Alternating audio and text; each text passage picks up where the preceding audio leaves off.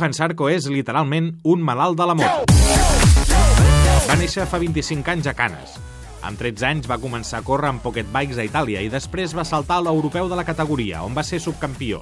En aquella època és quan decideix abandonar la casa dels seus pares i se'n va viure amb el seu mànager, Laurent Felon, i la seva dona. L'any 2007 el seleccionen per a la primera edició del Red Bull Rookies Cup, competició de suport de MotoGP, i n'és el primer guanyador. Però això no li va obrir les portes del Mundial.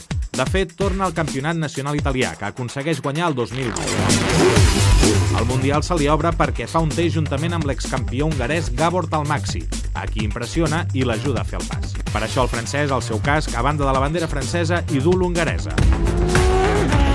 Les seves dues primeres temporades al Mundial de 125 centímetres cúbics, 2009 i 2010, van ser d'adaptació, fins que va anar a parar l'equip del finlandès Aki Ayo, substituint qui havia estat campió el 2010, Marc Márquez. La temporada 2011, Johan Sarko esdevé subcampió de 125.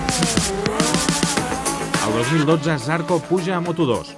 Fa podis, però no acaba de guanyar, i per al 2015 torna a caure en mans d'Akiayo, amb qui trenca motlles i es proclama campió del món de Moto2. L'any que ve defensarà el títol en el mateix equip, amb quatre catalans treballant per ell. El telemètric David Garcia i els mecànics Noé Herrera, Guille Alonso i Marçal Joe. Dorm amb ells als circuits. Japó és definitivament un circuit important per Johan Sarko. El 2011 va aconseguir la seva primera victòria al Mundial amb una 125.